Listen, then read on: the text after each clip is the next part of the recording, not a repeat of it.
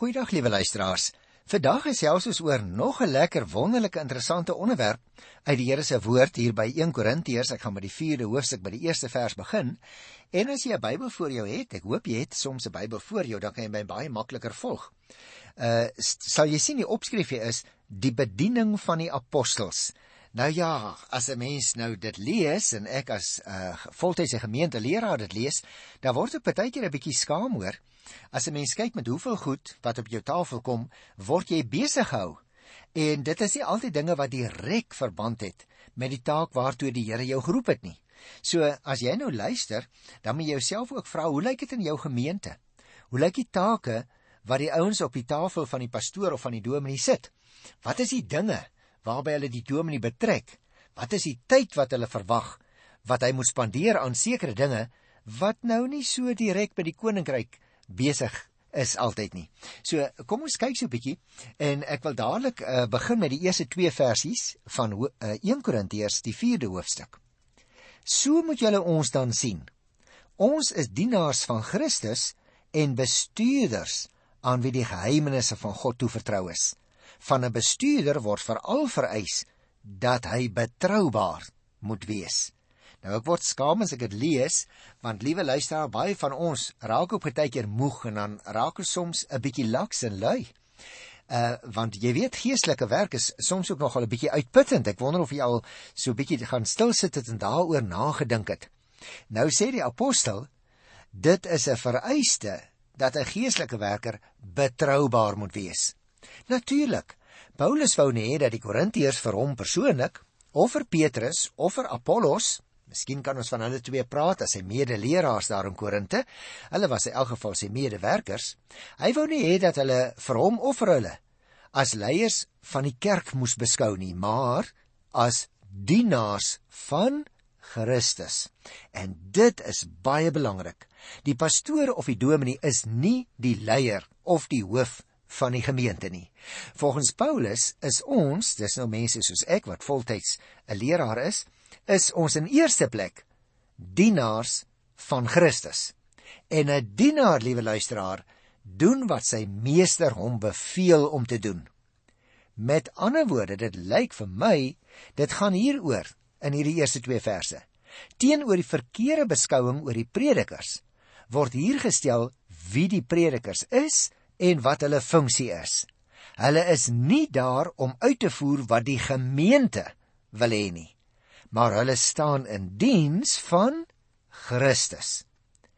Die apostel sê ook as bestuurders van Christus moet hulle die geheimenisse van God, dit wil sê die verlossende werk van Christus uitdeel aan alle mense. Wat dus veral van die bestuurders vereis word, is dat hulle betroubaar sal wees ten opsigte van die inhoud van die boodskap en die manier van verkondiging. Nou sou ek wou vra, dink so 'n bietjie aan jou eie gemeente, aan jou eie leraar, pastoor, is dit die primêre taak waarmee jy besig gehou word? En as jy sê nee, moet jy jouself afvra, wat is die wat is die vereistes wat ek soms aan hulle stel? Wat is die dinge wat ek van hulle vra en vereis? Is dit in belang van die koninkryk van die Here? Of is ek dalk ook een van die ouens wat hulle aandag aftrek van die primêre taak? Daar's dalk ander take wat jy kan help oorneem in die gemeente, liewe luisteraar, waar jy dienswerk kan lewer sodat die spesifieke dienswerk waarmee die geestelike persoon wat die dominee is of die pastoor is sodat hy hom daaraan kan wy en ek dink dit is ook een van die primêre take juis van kerkrade en bestuursliggame om toe te sien dat die leraars in die gemeente hulle met hulle primêre roeping as dienaars van Christus kan besighou. En sou hulle dit nie doen nie, dan is dit ook daardie ouderlinge en diakens en bestuursliggaam se taak om hulle aan te spreek vir hulle te sê maar jy hou jou nie besig met die dienswerk aan die Here Jesus Christus in hierdie gemeente nie. Kom ek lees nou vers 3 tot by vers 5. Vir my is dit nie van die minste belang of my betroubaarheid deur julle of deur 'n menslike regbank beoordeel word nie. Trouwens, ek beoordeel dit nie eens self nie. Daar is ook niks waaroor my gewete my aankla nie, maar dit beteken nog nie dat ek vrygespreek is nie. Dit is die Here wat my beoordeel. Daarom moet julle nie te vroeg voordat die Here kom 'n oordeel uitspreek nie. Hy sal ook die dinge wat in die duisternis verborge is aan die lig bring en die bedoelings van die hart bloot lê. Elkeen sal dan van God die lof ontvang wat hom of haar toekom. Jy sien, die beoordeling sê die apostel van die betroubaarheid van die predikers as bestuurders kom nie aan die mense toe nie. Maar daardie betroubaarheid word beoordeel by deur die Here Jesus Christus. Daarom maak die beoordeling van mense baie weinig indruk op die apostel, so skryf hy hier. Selfs sy eie beoordeling van homself gaan nie op nie, want alles hang af van die beoordeling deur Christus van wie hy per slot van sake sy opdrag gekry het vir die werk wat hy doen. Daarom moet die gemeente hulle daarvan weerhou om nou al predikers te begin oordeel. Christus kan en hy sal staan daar alles aan die lig bring, ook die diepste motiewe van sy bestuurders. En volgens sy bevinding sal elkeen beoordeel word, nie volgens die mening van die gemeente nie. Daarom, liewe luisteraar, die predikers is nie eintlik in diens van die gemeente nie, maar van Christus. Hulle is ook terselfdertyd bestuurders, met ander woorde die hoof van die huishouding, wat die hemelse ekonomie in die gemeente moet help beheer. Dit wil sê om die verlossing wat Christus behaal het aan die kruis aan mense uit te deel. In die opsig moet die leraars dus getrou wees aan die waarheid en wat is die waarheid? Jesus Christus en sy opdrag. Nou die volgende paar versies wat ek gaan bespreek, vorm eintlik 'n klein eenheid hier van vers 6 tot by vers 13 en oorsigtelik sou ek sê dit gaan oor die gemeente wat so blyk dit uit hierdie vers 6 tot 13 verdeeld was oor die predikers. Moontlik het elke prediker gedink dat hy die volle geestelike waarheid besit. Paulus herinner nou die lidmate dat ook die predikers maar net doodgewone mense is. Nou kom ons lees eers net hierso die 6ste versie luister.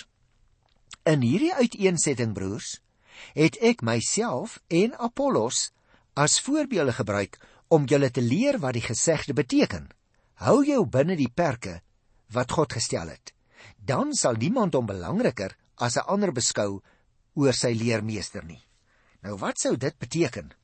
Paulus maak die siening oor die diens van die prediker aan die gemeente duidelik deur dit op homself en op Apollos, sy medeleraar toe te pas. So wou hy die gemeente baie duidelik leer om in die waardering van predikers nie in eie wysheid die perke wat God gestel het te verontagsaam nie. Dit lei tot groot pratery teenoor mekaar oor die leermeester en dit veroorsaak tweespalt in die gemeente. Natuurlik, liewe luisteraars, baie maklik om geheg te raak aan 'n geestelike leier en is ook nie verkeerd nie. 'n Mens voel immers altyd 'n mate van lojaliteit teenoor iemand wat jou op 'n bepaalde punt met 'n probleem byvoorbeeld gehelp het. Paulus waarsku egter dat ons nie so geheg moet raak aan die menslike geestelike leiers dat dit later oneenigheid of verdeeldheid in die gemeente kan veroorsaak nie. Jy sien 'n ware geestelike leier is iemand wat slegs bekend maak wat God aan hom gee. Die hoofklem moet altyd op die boodskap val en nie op die boodskapper nie. Paulus beklemtoon dus ook dat die gemeente alles wat hulle besit eintlik maar net ontvang het. Hulle het 'n vals beeld van hulle eie prestasies. Hulle dink hulle is konings wat ook oor die geestelike werkers beheer kan uitoefen. Die apostels word dan soms as minder belangrik beskou, selfs partykeer verag, omdat hulle die dwaase kruisboodskap verkondig het daar in die wêreldstad Korinte. Paulus moet selfs deur sy eie hande werk sy eie lewensonderhoud verdien. Nou luister na vers 7 en 8. Wie maak jou so belangrik? En wat besit jy wat jy nie ontvang het nie? As jy dit ontvang het, waarom stel jy jou so aan asof jy dit nie ontvang het nie? Julle het mos klaar alles wat julle begeer. Julle is klaar ryk. Julle regeer al klaar soos konings. Ons nog nie. As julle tog maar werklik konings was, sodat julle saam met ons kon regeer. Deur die stylfiguur in die letterkunde wat die apostel hier gebruik van 'n hele reeks retoriese vrae, bring Paulus dit nou by die gemeente tuis dat hulle eintlik geen rede het om op grond van eie prestasies hoogmoedig te wees nie, want alles wat hulle het, onderstreep hy, het hulle eintlik ook maar net ontvang. Ook word dit baie duidelik vir hulle gestel watter vals beeld hulle hulle soms van hulle self het. Hulle dink hulle is mense wat alles bereik het, wat alles besit. Mense wat soos konings is, wat ander ook maar net links en regs kan beoordeel soos hulle wil. Nou met 'n mate van sarkasme vat Paulus hulle gewaande belangrikheid saam as hy sê: "As julle tog maar werklik konings was, dan kon hulle die apostels geleer het om ook daar te kom. Nou liewe luisteraar, ek dink hierdie gedeelte roep vir jou en vir my, ook as lidmate van 'n gemeente op, om nie te maklik uitsprake te maak nie, om nie te maklik kant te kies nie, maar ook nie om soms die geestelike leiers in 'n gemeente maar net te wil rondstoot na jou eie smaak en sin nie. Hulle het 'n bepaalde taak ontvang. En jy moet versigtig wees om nie sommer net oor hulle te wil heers nie. Luister na vers 9. Dit lyk vir my God het aan ons die apostels die laaste plek in die ry gegee, asof ons mense is wat tot die dood in die arena veroordeel is. Ons het 'n skouspel geword vir die wêreld, vir engele sowel as vir mense. Nou teenoor hierdie beeld van die Korintiërs, plaas Paulus nou die beeld van die apostels, sodat die Korintiërs sal besef in watter gekke paradys hulle lewe. Hoe anders is dit met die apostels gesteld? skryf hy. Hulle is eintlik soos veroordeeldes wat in die arena op die laaste plek sit sodat hulle op hulle kan neersien. Ook wanneer hulle die arena vir die doodstryd binne gelei word. Hy sê die gemeente moet baie versigtig wees in die manier waarop hulle na hulle self kyk. Maar hulle moet ook versigtig wees ten opsigte van 'n manier waarop hulle kyk na die geestelike werkers wat wat voltyds in diens van die Here onder hulle werk. Hulle moenie op hulle neerkyk nie. Hulle moet oppas dat hulle nie die apostels meer gering ag as wat hulle is nie. Hulle is geroepe diensknegte van die Here. Hy gebruik 'n interessante woord daar, 'n skouspel wat deur sommige mense ook vertaal word as 'n sirkus. Hy sê as die mense na ons, as die apostels kyk hier in Korinte, dan dink die mense baie keer Ons is narre in 'n sirkus wat hulle net moet vermaak. Net moet dinge aanbied waarvan hulle hou. Want die mense kyk soms op ons neer in die taak waarmee ons besig is. Hy sê ek wil vir julle waarsku, die Here het ons nederig gemaak. Maar die bedoeling is nie dat julle ons moet uitlag nie. Ons het 'n spesifieke opdrag, naamlik om die evangelie boodskap deur te gee, of julle daarna wil luister of nie. Dit is nie ons bekommernis nie. En nou gaan hy en hy praat so bietjie oor 'n ander saak. Vers 10 tot hier by vers 12a. Kom ek lees dit hier by 1 Korintiërs 4. Ons, dis nou die apostels. Hy sê ons is dwaas ter wille van Christus. Julle is verstandig in Christus. Ons is swak. Julle is sterk. Julle geniet aansien. Ons word verag. Tot op hierdie oomblik ly ons honger en dors. Ons is armoedig aangetrek en word mishandel. Ons swerf rond en werk hard met ons eie hande. Nou liewe luisteraar, as leraar word ek ook skaam. Dit is so dat uh, Dominee soms nou nie met die heel beste motors ry nie, ander wel, maar verseker nie almal nie. Maar die apostel sê in sy situasie het hy dit verseker nie baie gerieflik gehad onder die belangrike en ryk mense van Korinte nie. En as jy in 'n bepaalde situasie deur die genade van die Here gestel is, dan moet jy baie mooi luister wat die apostel hier sê. Hy sê ons as apostels word as dwaas beskou omdat ons die gekruisigde Christus verkondig, terwyl die Korintiërs as verstandig gereken word omdat hulle by die evangelie van Christus menslike wysheid voeg. As apostel sê hy, het hy geen inkomste nie. Hy moet handewerk verrig vir lewensonderhoud, iets wat deur die Grieke verag is in daardie tyd. Daarom dat hy sê julle kyk op ons neer. Die apostel moet baie ontberings deurstaan het. Jy kan gerus ook gaan kyk as jy wil, liewe luisteraar, sal dit nog behandel, maar by Filippense 4 daar by die 12de vers. Kom ons luister na vers 12b tot 13. Ons word uitgeskel en ons antwoord met seënwense. Ons word vervolg en ons verdra dit. Ons word beledig en ons bly vriendelik. Ons het die uitvaagsels van die wêreld, die skuim van die samelewing geword. En dit is nou nog so. Nou wil ek ook dadelik vir jou daaraan herinner, liewe luisteraar, as Paulus nou hier oor sy eie bediening praat, dan moet jy ook vir jouself afvra, hoe lyk my eie bediening? Is dit so dat mense ook soms so op my neerkyk soos wat die apostel hier sê? Ek gaan dit weer vir jou lees. Want onthou, jy is saam met jou leraar en pastoor, is jy saam 'n dienaar van die Here Jesus ook by jou werk, ook in jou omgewing, want jy word in die gemeente gedien, maar buite die gemeente het jy 'n primêre taak. Sou jy dink dat dit ook soms van jou geld as die apostel hier skrywe? Ek word uitgeskel. Ek antwoord met seënwense. Ek word vervolg. Ek verdra dit. Ek word beledig. Ek bly vriendelik. Ek het uitvaagsel van die wêreld geword. Die skuim van die samelewing in hulle oë. En dit is nou nog so. Is dit dalk ook iets wat soms van jou waar word? Of liewe luisteraar, is jy en ek so belangrik dat ons dadelik reageer as ons beledig word? As ons beskou word as nie welkom nie soos uitvaagsels in 'n bepaalde geselskap.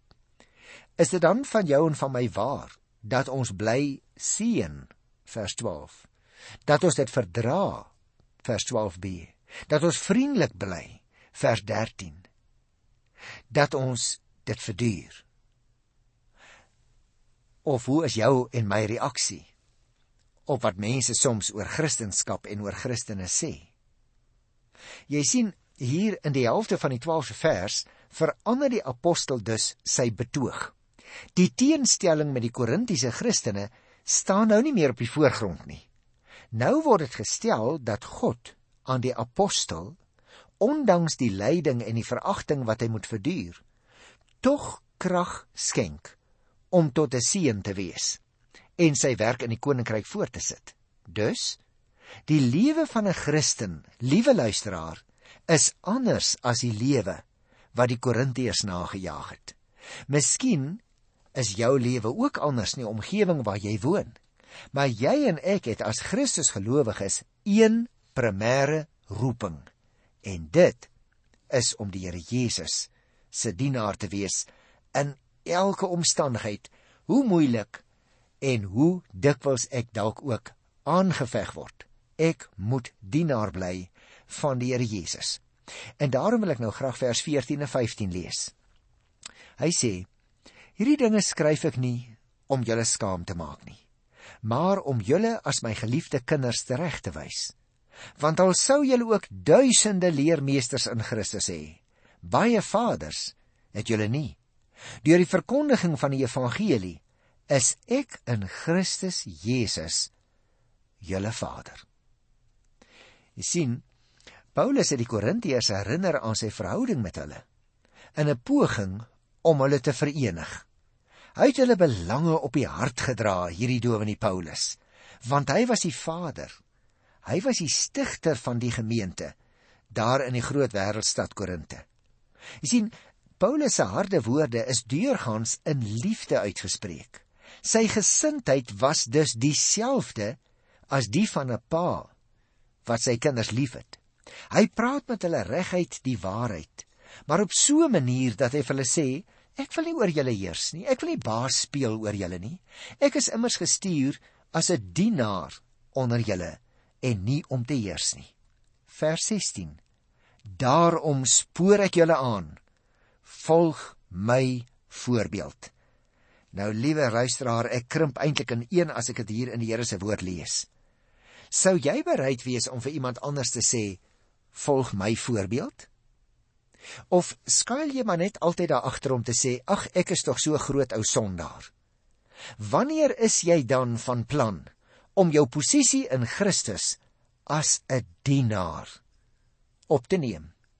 Wanneer is jy bereid om soos die Here Jesus op te tree? Hy die koning van alle konings wat gekom het om te dien as 'n dienskneg in nederigheid, uiteindelik selfs 'n geweldige prys te betaal. Hoekom? Sodat jy en ek gered kon word, ja, maar dis nie al nie. Sodat ons 'n voorbeeld in homself het van hoe ons dienswerk ook behoort te lyk. Daarom skryf hy spoor ek julle aan volg my voorbeeld Paulus het die Korintiërs aangeraai om sy voorbeeld te volg omdat hy as apostel probeer het om die fokus luister mooi wat ek sê om die fokus op die inhoud van die boodskap naamlik Jesus Christus te plaas omdat hy probeer het om volgens God se wil te probeer lewe hy het nie die aandag op homself probeer trek nie. Hy het nie belangrik probeer wees nie. Hy was in die agtergrond besig om die lig op Jesus Christus in die sentrum van sy lewe te plaas. En daarom het ek gesê ons kan nie nou maar net hier kyk en sê, nou ja, dit is nou soos die evangelie dienaars behoort te lewe nie. Wat dan van jou wat aan die program luister? Is jy dan nie ook 'n dienaar van Here Jesus Christus nie? As jy mooi luister, dan sal jy duidelik hoor dat die apostel hier sê: "Die Here was sy voorbeeld." En daarom kon hy ook weer die Korintiërs oproep om sy eie voorbeeld te volg. Hy wou nie te kenne gee daarmee dat hulle hom alles moes naboots nie, want niemand is natuurlik volmaak nie. Mense verskil immers ook van mekaar nie waar nie. Hulle moes hom egter navolg in soverre hy vir hulle Christus deur sy lewe sigbaar gelewe het. Die vraag kom by my weer 'n keer op. Lewe ek die Here Jesus elke dag? Kom ek vra dit andersom. Luisteraar, is jy Christus vir ander mense? Nie net sien hulle Christus in jou en in my nie, maar dien ons hulle, word ons Christus in dienskneg gestalte vir ander mense. Daarom kan ek baie goed verstaan dat Paulus dit in hierdie brief aan hom nodig geag het om van tyd tot tyd die gemeente daar in Korinte baie streng te berispe. Sy bedoeling was nie om hulle te krenk nie, maar hy wou hulle vermaan. Sy optrede teenoor hulle word bepaal deur die feit dat hy hulle geestelike vader was in die sin dat hy hulle as dit ware deur die verkondiging van die evangelie verwek het. Paulus is dus 'n blote leermeester wat volgens die Griekse gewoonte gewoonlik 'n slaaf was wat nie veel omgegee het vir die kinders nie en boonop nie altyd onbesproke van karakter en van lewe was nie. Nee as geestelike vader as stigter van die gemeente weet hy om sy woorde te weeg en as hy hulle aanspreek draai hy sy woorde ook toe in liefde Sy vaderlike vermaaning is baie kort en duidelik. Hy sê vir hulle: "Volg my voorbeeld." Paulus maak dus homself tot voorbeeld en hy hou homself as voorbeeld voor omdat hy apostel is en sopas uiteengesit het wat ware kristendom oor 'n mens bring. Mag ek jou vra, liewe luisteraar, is dit met jou ook so? Ek wil afsluit met 'n kort verhaaltjie van die sendeling wat iewers gaan sendingwerk doen het. En na so rukkie toe kom die mense en sê maar maar jy vertel vir ons meneer van van die Here Jesus Christus, maar ons ken hom, hy het gewoon hier in die huis waar jy nou woon. Nou kan die verhaal uitrek, maar kom ek sê maar net, toe hy nou begin navraag doen, toe kom hy agter die vorige sendeling het ook in daardie selfde huis gewoon. En hy het die Here Jesus so verpersoonlik Hy het hom so vergestald. Hy het sy dienskneg gestalte onder daardie klomp ongelowiges. So getrou gedemonstreer dat die mense gedink het hy was Here Jesus self. As Paulus is hier in die 16de vers sê, daarom spoor ek julle aan, volg my voorbeeld. Dan wil ek vir jou vra, kom jy en ek steek hand in eie hart? Is dit ook vir jou en my moontlik om dit te sê? Volg my voorbeeld. Ek groet jou tot volgende keer in die wonderlike naam van ons Here. Totsiens.